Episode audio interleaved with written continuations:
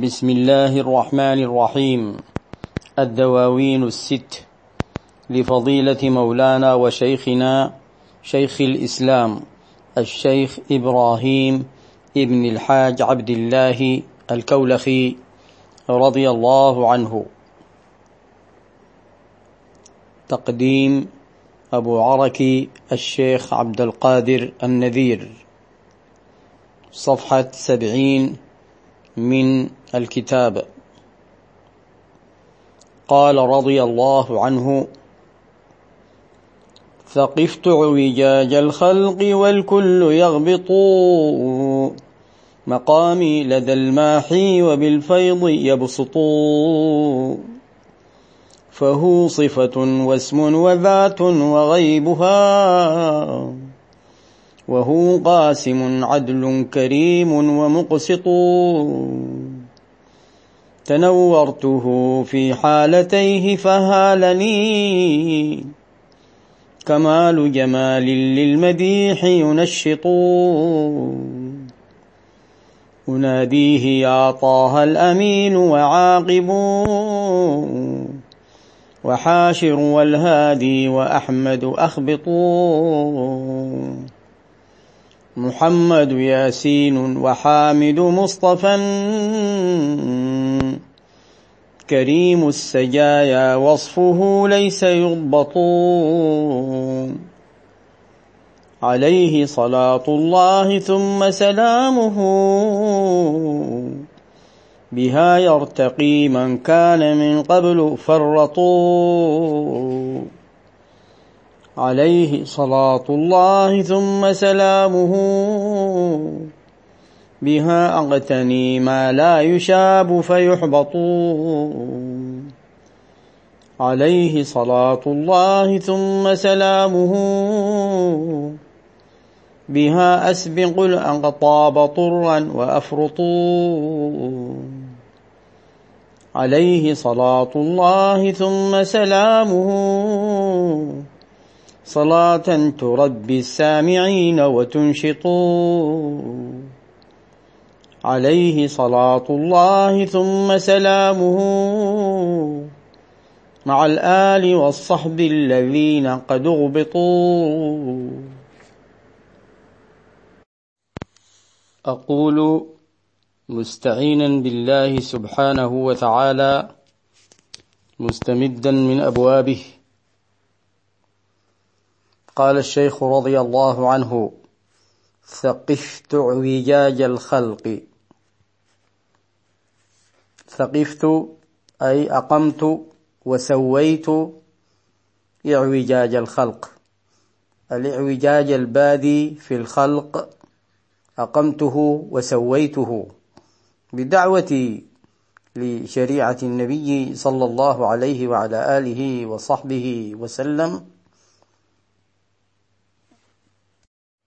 وبنشر لدينه وبإقامة سنته صلى الله عليه وعلى آله وصحبه وسلم لأن الاعوجاج الذي يكون في الخلق لا يكون ولا تكون استقامته إلا بما جاء به النبي صلى الله عليه وعلى آله وصحبه وسلم الذي بعث ليتمم مكارم الأخلاق أو صالحها.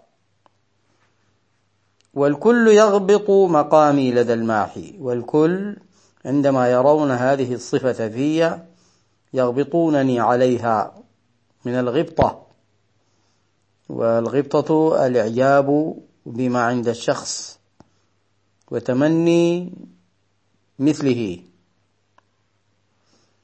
بخلاف الحسد الذي هو إعجاب ولكن تمني زوال نعمة الغير.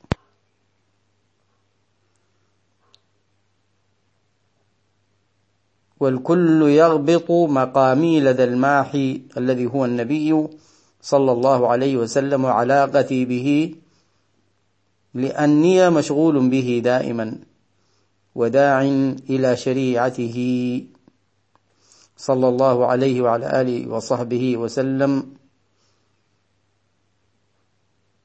والحال أنه بالفيض يبسط وبالفيض يبسط جملة حالية والحال أنه صلى الله عليه وسلم بالفيض يبسط علي بالمدد والعطاء يكثره. فهو صفة واسم وذات وغيبها.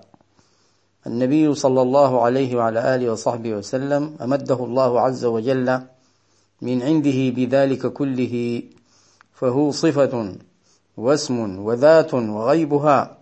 إشارة إلى حضرات المولى عز وجل التي تنزلت وأمدت المصطفى صلى الله عليه وعلى آله وصحبه وسلم فكان أول متلق عن المولى عز وجل. فالمولى عز وجل متصف والنبي صلى الله عليه وعلى آله وصحبه وسلم مستمد.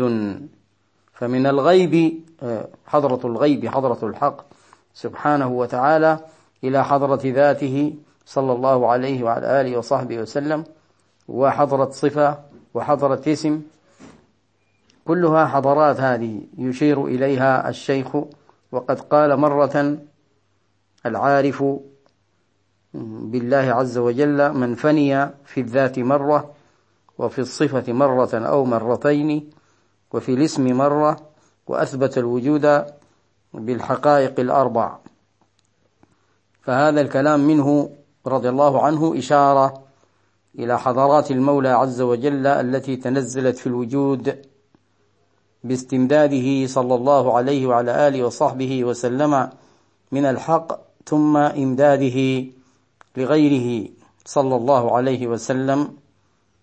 ولذلك قال وهو قاسم عدل كريم ومقسط. هو قاسم كما مر الكلام في كثير من القصائد آه، بهذا المعنى. والإشارة إلى حديث البخاري إنما أنا قاسم والله معطي. وهو قاسم هنا مكتوبة طبعا وهو هي وهو ولكن لأجل الوزن تقرأ مسكنة وهو قاسم عدل كريم ومقسط مقسط من ال من ال من من أقسط بمعنى عدل كرره مرة أخرى ليؤكد عدله صلى الله عليه وعلى آله وصحبه وسلم لأن العدل به تقوم الحياة. ثم قال الشيخ رضي الله عنه تنورته في حالتيه فهالني كمال جمال للمديح ينشط. تنورته نظرت إلى نوره أو تفكرت في نوره أو في نار المعرفة. إشارة إلى إني آنست نارا. في حالتيه في حالة جلاله وجماله أو في حالة ظاهره وباطنه أو في حالة استمداده من المولى عز وجل وإمداده لغيره أو في حالة غيبه وشهادته فهالني كمال جمال. هالني عظم عندي. كمال جمال موصوف به الحبيب صلى الله عليه وسلم للمديح ينشط مجرد أن تراه تمدح لأن هذا المنظر العظيم الجميل الذي عظم عند الشيخ رضي الله عنه يدعو وينشط إلى مديح الحبيب صلى الله عليه وعلى آله وصحبه وسلم بل هو بمجرد ذكر الحبيب صلى الله عليه وسلم تجري أقلامه في مدحه كما قال في إحدى قصائده إذا ذكر المختار حنت راعتي لتزيين مدح دون أن أعمل الفكر. أناديه يا طه الأمين وعاقب وحاشر والهادي وأحمد. ثم يقول محمد ياسين وحامد مصطفى كل هذه من أسمائه صلى الله عليه وعلى آله وصحبه وسلم أناديه حال كوني واقفا ببابه. ولذلك قال أخبط أخبط من معاني خبط سأل المعروف. يعني أسأل المعروف منه. ومن معاني خبط خبط الباب قرعه ودق عليه. أنا واقف ببابه. مناديا له واقفا ببابه لأنه كريم السجايا. كريم الصفات. وصفه ليس يضبط. وصفه ليس يضبط أي ليس يدرك وليس يعرف. عليه صلاة الله ثم سلامه بها يرتقي من كان من قبل فرطوا آمين. بهذه الصلاة والسلام يرتقي من كان من قبل فرطوا وقصروا فيرجع بالتوبة إلى الله عز وجل وإلى محبة النبي صلى الله عليه وعلى آله وصحبه وسلم. الصادقة وإلى معرفته ومعرفة الله عز وجل وإلى الترقي في هذه المشاهد. عليه صلاة الله ثم سلامه. بها أغتني ما لا يشاب فيحبط. بها أغتني أي أتحصل على ما لا يشاب ما لا يعاب ولا يخلط. فيحبط ثوابه. وإنما أتحصل على ما يثبت. ويثبت لي ثوابه وتثبت لي حقيقته. عليه صلاة الله ثم سلامه. بها أسبق الأقطاب طرا وأفرط. يسأل كذلك بهذه الصلاة عليه صلى الله عليه وعلى آله وصحبه وسلم أن يسبق الأقطاب طرا كلا ويفرط بمعنى يسبق ويتقدم. الأقطاب جمع قطب وهي درجة في الولاية تعطى لمن تأهلها مصطلح عندهم. وكذلك الصلاة على النبي صلى الله عليه وسلم تذهب بمن يكثر منها وبمن يفهمها ويتذوقها ويذوب فيها تذهب به إلى هذه المقامات. حتى الشيخ رضي الله تعالى عنه قال في إحدى قصائده أيضا بكثرة تسليمي على المصطفى فقت. يعني فقت غيري بكثرة التسليم على الحبيب صلى الله عليه وسلم. ثم قال رضي الله عنه عليه صلاة الله ثم سلامه صلاة تربي السامعين وتنشط.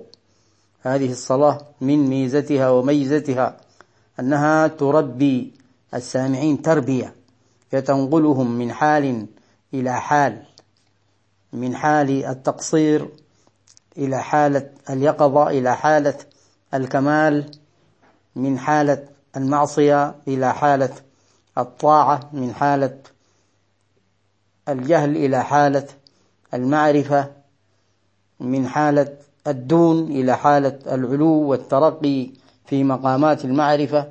وتنشط وتنشطهم كذلك تجعلهم نشطين في السلوك إلى الله عز وجل وفي التنافس وفي ذلك فليتنافس المتنافسون. عليه صلاة الله ثم سلامه مع الآل والصحب الذين قد أغبطوا. أغبطوا يغبطهم الناس لمرتبتهم العالية. أصحاب النبي صلى الله عليه وسلم وآله مرتبتهم عالية. تحدث عنها القرآن وتحدثت عنها سنة النبي صلى الله عليه وسلم وهي معلومة من الدين بالضرورة عند المسلمين. ولذلك هي مرتبة يغبطون عليها رضي الله تعالى عنهم. والله أعلم. ونواصل إن شاء الله تعالى.